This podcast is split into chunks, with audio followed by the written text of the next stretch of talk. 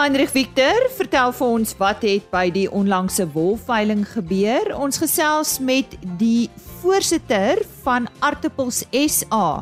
Gert Bester is in September verlede jaar as die voorsitter verkies en vanoggend die eerste keer op RSG Landbou.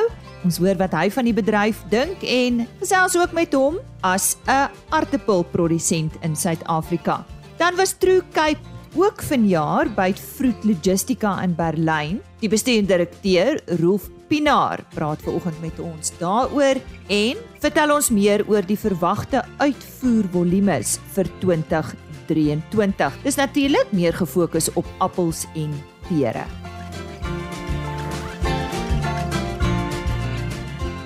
Hartlike goeiemôre van my Lise Roberts. Baie welkom by vanoggend se program soos altyd eerste op 'n Dinsdagoggend, Heinrich Victor van OVK. Ja, goeiemôre en welkom in die OVK wolkantoor.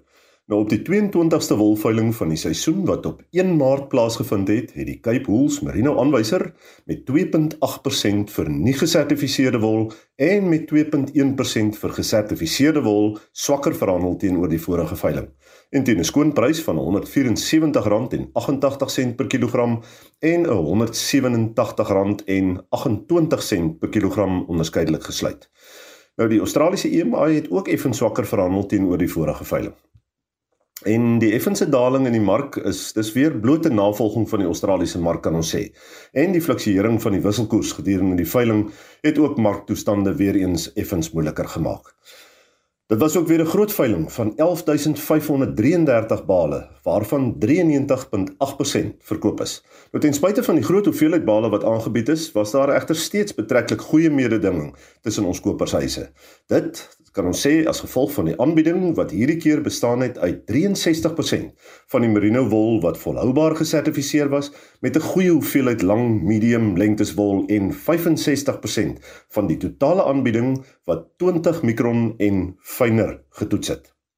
Nou Moriano het op hierdie veiling die grootste hoeveelheid bale gekoop, gevolg deur BKB Pinnacle Fibers, Stanotool SA en Tianyu SA. En dan kyk ons na die gemiddelde skoonwolpryse vir die seleksie binne die verskillende mikron kategorieë van ons lang kamwol of MF5 tipes. En dan soos gewoonlik onderskei ons weer eens tussen gesertifiseerde en nie gesertifiseerde wol. Nou hierdie keer kan ons begin by 17 mikron. Nie gesertifiseerde wol verkoop vir R284.01 per kilogram. Gesertifiseer R301.47 per kilogram met 'n premie daarvan 6.15%. Dan kan ons kyk na 18.5 mikron, nie gesertifiseer R223.88 per kilogram. Gesertifiseer R235.55 per kilogram met 'n premie daarvan 5.2%. As ons kyk na 19.5 mikron sien ons daar nie gesertifiseer R194.22 per kilogram gesertifiseer R202.33 per kilogram met 'n premie daar van 4.2%. En dan kan ons net laastens kyk na 21.5 mikron nie gesertifiseer R170.39 per kilogram gesertifiseer De Wol het verkoop vir R178.69 per kilogram met 'n premie daar van 4%. 0.9%. Nou ja, dit is waarvoor ons tyd het hierdie week. Ons volgende veiling is dan geskeduleer vir die 8ste Maart. En dan gesels ons weer hier uit die wolkantoor. Tot 'n volgende keer dan, mooi loop. Heinrich Victor met ons nuutste wolmarkverslag. Die Suid-Afrikaanse aardappelbedryf sal seëvier en bo uitkom ondanks verskeie uitdagings wat die bedryf in die gesig staar. So meen Gert Bester, 'n gevestigde droëland aardappelboer en eienaar van die Vogboerdery in die Petrusstein distrik in die Oos-Vrystaat, wat verlede jaar die leiersels by JF van der Merwe as voorsitter van Aardappels SA se nasionale raad en direksie oorgeneem het. Christelise Miller het met Gert gesels. Gert, voor ons kyk wat lê voor vir die bedryf, vertel ons kortliks bietjie van jouself en die pad wat jy gestap het in die aardappelbedryf. Ja, ek ek dink aardappels is al baie jare deel van ons familie en en voorreg die plaas waarop ek bly. Die eerste aardappels wat ons daar begin produseer het was in 1982 wat my pa geplant het. Ek het in 1990 by hom oorgeneem. Hy is ongelukkig basies 'n bietjie meer as 'n week nadat ek op die plaas gekom het, permanent bedleend geraak en oorlede 3 of 4 maande later. Ek vertel altyd vir die ouens, ehm um, dit was in aardappel uithaal periode en daar was selfs 'n klompie markagente op my pa se begrafnis. So ons familie het 'n baie lang geskiedenis met aardappels. Uit die aard van die saak, omdat my pa baie lank siek was, was ons boerdery onder geweldige finansiële druk teen die tyd wat ek oorgeneem het en die eerste goed wat ek moes doen is om basies al die vee te verkoop en al die toerusting op die plaas te verkoop. Ek dink tot vandag toe ek was dalk te dom om te besef hoe diep ek in die moeilikheid is, maar ek het eenvoudig geglo ek is geroep om 'n boer te wees en ons het van vooraf begin by 'n buurman 'n trekker geleen wat ons in die nagte die lande mee voorberei het. En ja, ons eerste aartappel die volgende jaar aartappel stukkie wat ons geplant het was letterlik 3 hektaar. dit het my amper 'n week gevat om sonder 'n aartappelplanter dit geplant te kry. En ons het letterlik toe my pa sterwe kom besef ons gaan moet planne maak. So ons het 'n klompie aartappels gehou wat ons geplant het vir die eerste jaar iets wat ek vandag glad nie sal aanbeveel of ek dink dis bloot genade dat dit gewerk het. Maar ja, ons het die stukkie geplant, ons het al die ou kunsmis wat in die stoor was uitgestrooi oor die aardappels en ek weet net dat ek dink die liewe Vader het 'n baie spesiale band met aardappels. Hy is mal daaroor om wonderwerke met aardappels te laat gebeur. En daai eerste oes was definitief so 'n wonderwerk in my lewe. Ons het uh, die reuse bedrag van 30 32000 rand se aardappels verkoop wat vir my wat basies niks gehad het nie ge gehelp het om die eerste stukkies toerusting te kon koop. En ons het so begin aardappels boer uitgebrei nie baie lank daarna nie het ek 'n 'n vriend van my wat se pa ook oorlede is het ons in 'n vennootskap ingegaan en die geleentheid om te kon uitbrei die geleentheid om die goed te kon saam maak werk het vir ons verskriklik goed gewerk. Ons het 17 jaar lank saam geboer. Hy's nou nog 'n groot vriend van my. Ehm um, oor tyd het ons ons oppervlakte uitgebrei, groter gemaak. En toe op 'n sekere stadium in my lewe het ons soos wat 'n mens maar maak tipies as jy begin selfvertroue ontwikkel dan ontwikkel jy te veel selfvertroue. en ons het baie vinnig ons hektare uitgebrei. Ek kan onthou ons het die een jaar 250 hektaar geplant en besluit om die volgende jaar 350 te plant. En toe ons aan die einde van daai jaar klaarmaak, sien ons is dit meer geld. Die vorige jaar met die 250 hektaar gemaak as wat ons met die 350 en ek het net besef aardappels vergesekerde bestuursvernuf en my persoonlike vermoë lê by 'n sekere oppervlakte wat ons daai tyd so rondom 200 hektaar geplant het. En van toe af het ek amper vir myself die doel gestel om die hoeveelheid aardappels wat ons jaarliks produseer konstant te hou, maar om op al hoe kleiner oppervlakte dit te probeer regkry. Ons plant droëland aardappels, so dis nie so maklik om dit reg te kry nie, maar ons het oor tyd daai oppervlakte met nog omtrent 30% gesny na waar ons nou deesdae omtrent stabiel is en ons probeer jaarliks op jaar op jaar min of meer dieselfde hoeveelheid tonne aardappels te produseer. Dit gee vir ons die vryheid om oor 'n bietjie meer gemaklike tydperk te kan bemark en te kan ophou as die mark nie noodwendig die vraag hoog is nie. So ek is 'n groot voorstander van minder of meer is nie altyd beter nie. En en ek dink in die aardappel proses is bestuur jy maak baie meer geld deur 'n bietjie aardappels goed te bestuur as om baie aardappels gemiddeld te bestuur. Ek hou daarvan om baie intensief betrokke by die aardappels te wees oor tyd omdat ons die oppervlakte van aardappels afgebring het, het ons in ander gewasse begin belê en waar aardappels aanvanklik omtrent 80% van ons inkomste was, is dit vandag in die omgewing van 'n derde van ons inkomste. Ek dink nog steeds aardappels het 'n uh, is vir ons boerdery kardinaal en ek's baie passievol oor aardappels. Ouens wat my ken sal weet ek is oor die bedryf en oor die produk geweldig passievol, baie keer dalk te passievol. Maar ja, die die aardappelbedryf was vir my oor tyd baie baie goed. Ons het geweldig genade beleef in die aardappels en die ander ding wat die aardappelbedryf vir my besonder maak is die feit dat dit 'n uh, 'n bedryf is waar jy deur sekere strategiese skuwe te maak 'n invloed op die prys, op die kwaliteit, op die bemarkbaarheid te hê en en dis die lekker van aardappels is dat jy hoewel dit altyd 'n funksie van genade is, het jy tog die vermoë om 'n invloed daarop uit te oefen. En dit dit maak aardappels vir my besonder. Wat is die uitdagings vir die bedryf ten opsigte van produksie in hierdie stadium? In die lig van die produksiekoste wat so geweldig gestyg het die laaste 2-3 jaar is die kostes voor die hand liggende uitdaging. Wat ook ware is is dat die aardappels is 'n is 'n plaaslike ekonomie prysgedrewe. So ons verkoop ons produk teen wat 'n funksie van die plaaslike ekonomie maak terwyl ons aan die ander kant ons insette op internasionale mark koop.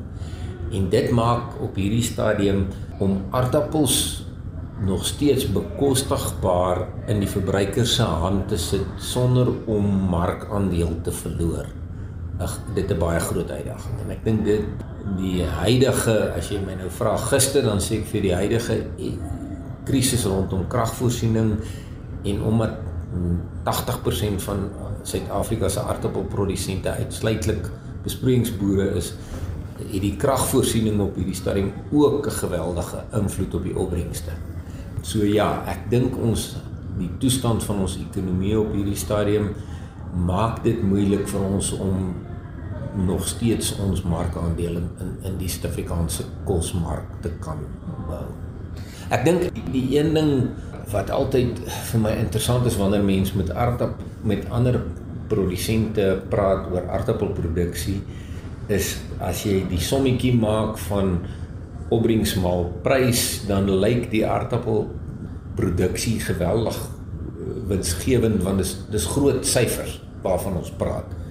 Maar wat wat mense maar baie maklik vergeet om 'n aardappelboerdery in stand te hou het 'n geweldige groot infrastruktuur betrokke. Jy het byvoorbeeld mense wat net die klomp personeel wat jy addisioneel moet moet aanhou al daai funksies moet verdien. Jy moet al jou gewellige klomp BTW en al die transaksies wat plaasvind is net soveel meer. So jou boekhou funksie, jou personeel funksie en dan fisies die kapitaalbehoefte van aardappels is baie groot en dit maak dat jy 'n groot infrastruktuur in gang moet hou. En ek dink dit is amper 'n groter uitdaging is om met die koste knyptang wat wat vir ons wil vasknyp om die produksie direkte insette te betaal is relatief haalbaar.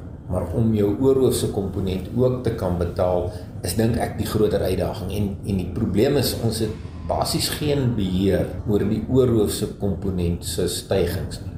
Dis Eskom se prysstyging, brandstof se prysstyging, geen van daai goed is 'n manier wat ons dit kan beheer nie. Vervoer wat wat 'n baie groot faktor in die aardappelbedryf is, se se prysstygings uh, is is weer ook 'n ding wat eintlik buite boere se beheer is. Ja, ons kan ons eie voertuie aanhou, maar die maar die brandstof en daai goed bly baie groot koste. So ek dink dis die ag die groot uitdaging is om op min of meer dieselfde oppervlaktes steeds jou oorhoofse komponent ook te kan diens en winsgewend te bly. Wat hou die toekoms vir die bedryf in? Ek ek dink Die een wonderlike ding van aardappels is deur jou bemarkingsstrategie te verander, die marksegment waarin jy speel, ehm um, die kwaliteit van jou produk waarop wat jy probeer handhaaf, het 'n mens 'n mate van 'n invloed op die prys.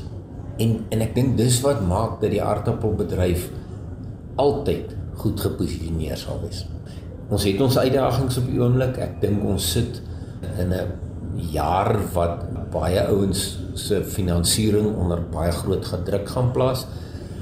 Maar die wonderlike is 'n klein verandering in aanbod het 'n groot verandering in prys. So hierdie hierdie bedryf het altyd 'n manier om homself weer reg te skud. En ek is positief oor die bedryf, ek is positief oor die toekoms. Ek sou baie graag wou sien dat ons kan vir 'n groter segment van die bevolking bekostigbare produk op die tafel sit. En en dis ongelukkig met die met die internasionale prysneming wat ons mee sit nie altyd moontlik nie. Maar maar die aardappelbedryf kan en sal homself weer herposisioneer, hierdie skokke hanteer en ek dink gesond aan die kant uitkom.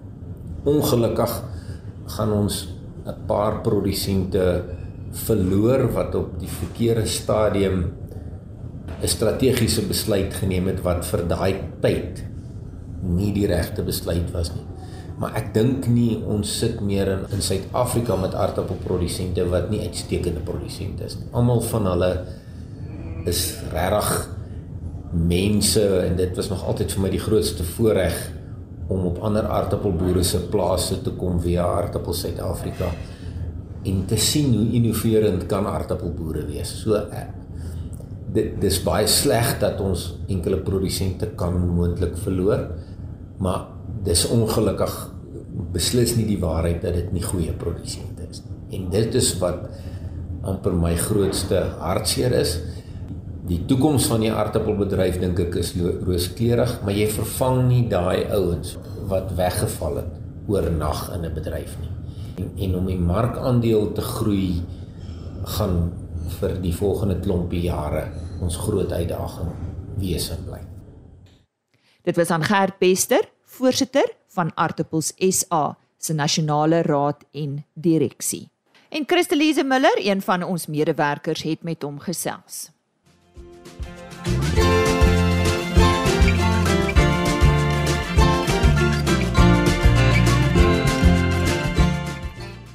Die 30ste Fruit Logistica is vanjaar van 8 tot 10 Februarie in Berlyn, Duitsland aangebied. Nou ons het verlede week eh, donderdagoggend ook met Stefanie van der Walt van die International Fresh Produce Association gesels oor haar ervaring daarvan. Sy was vir die eerste keer daar. Nou die skou is die grootste handelskou vir die internasionale vrugte en groentebedrywe. Vanjaar se skou is deur altesaam 63470 besoekers uit meer as 140 lande bygewoon en daar was 2610 uitstallers uit 92 lande. True Cape was een van die Suid-Afrikaanse uitstallers wat op die handelskou teenwoordig was en ons uh, hoor vanoggend van Roof Pinaar, bestuurdirekteur van True Cape Fruit Marketing, om meer uit te vind wat hulle indrukke van die skou en vooruitsigte op ons uitvoermarkte is. Ons het hom ook uitgevra oor die grootte van die huidige appel en peeroes in Suid-Afrika en die knelpunte in die vrugtebedryf. Maar ons begin met Fruit Logistica. Het die Suid-Afrikaanse vrugte en groentebedrywe genoeg blootstelling gekry as Suid-Afrika se verteenwoordiging met die van ons direkte mededingers uit die suidelike halfrond vergelyk?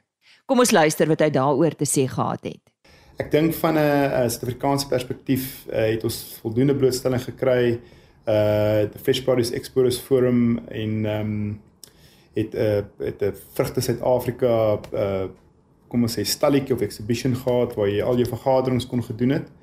So oor die algemeen was dit ehm um, was dit baie baie goed geweest. Ek dink of daar ruimte is vir verbetering.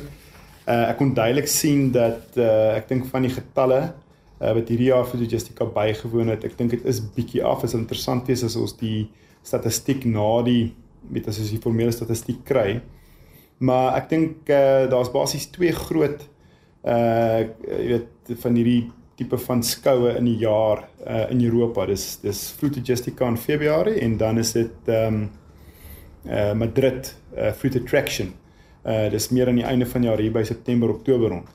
So ek dink afhangende van wanneer jy jou programme vasmaak en van wanneer af jy met jou kliënte moet gesels, weet sal jy altyd weet enigiets van daai toe sal jy ehm um, ondersteun.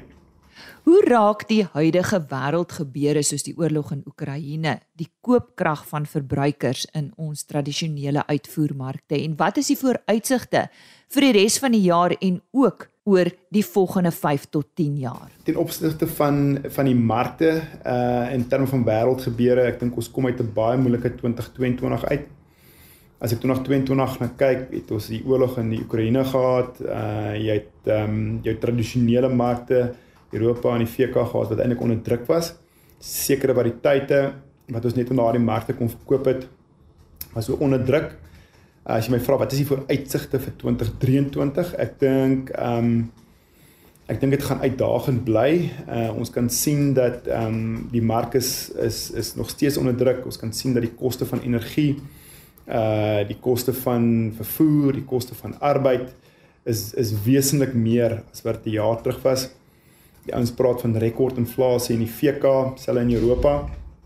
So daar op hierdie stadium uh, as jy dit al hierdie faktore wat ek nou gesê het wat saamwerk met die oorlog wat nog steeds aan die gang is in Oekraïne, bly dit bly dit 'n uitdagende um uitdagende mark vir ons.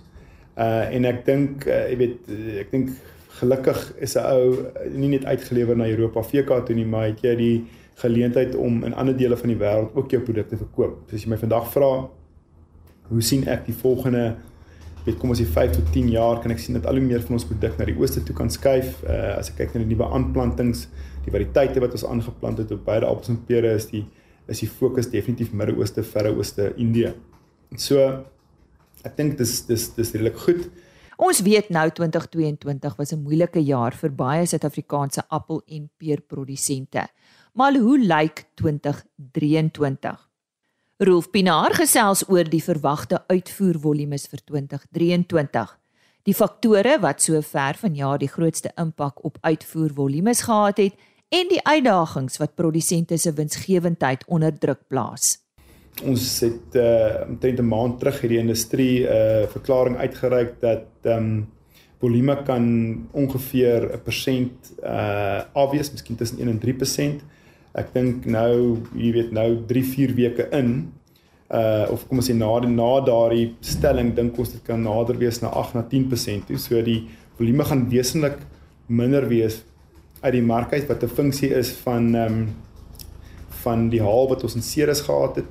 Ehm um, wat uh, wat 'n ongelooflike groot impak gehad het op die totale volume. Uh wat wat op die einde van die dag beteken daar's minder wat na die pakhuis toe kom, wat beteken daar's minder wat ons uh, op die einde van die dag uitvoer.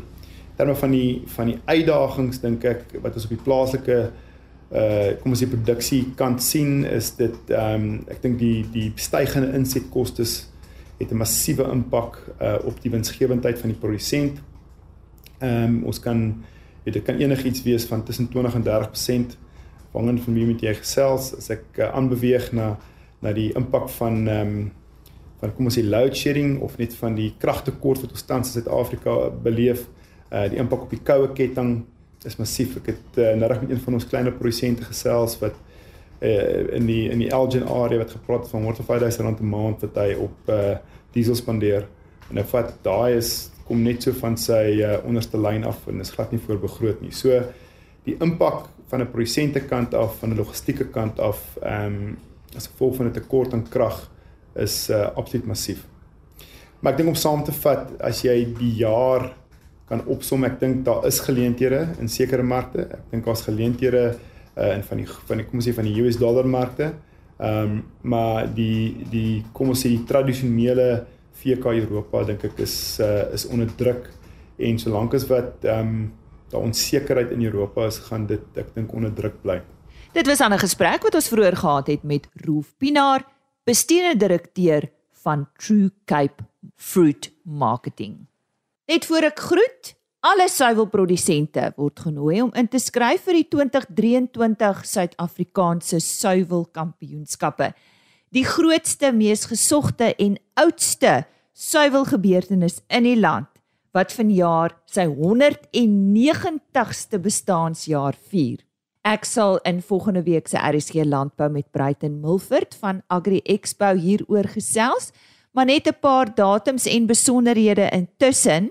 Aanlyn inskrywings is reeds oop. Die sluitingsdatum vir inskrywings is Vrydag 24 Maart en die SA suiwel toekenninge word op Donderdag 25 Mei in Durbanville aangebied. Vir meer inligting, besoek www.cheesesa.co.za. Kom ek herhaal net daardie webtuiste www.cheesesa.co.za. Dis dan my kuier saam met jou vir oggend. Kom ek sluit af met 'n e-posadres en webtuiste rsg.co.za vir die volledige program agriorbit.com vir 'n luister na die onderhoude. Dit word daar afsonderlik gelaai en 'n e-posadres rsglandbou@plaasmedia.co.za. Ek wens jou 'n wonderlike dag toe. Tot môreoggend. Totsiens. RSG Landbou is 'n Plaas Media produksie met regisseur en aanbieder Lize Roberts en tegniese ondersteuning deur Jolande Rooi.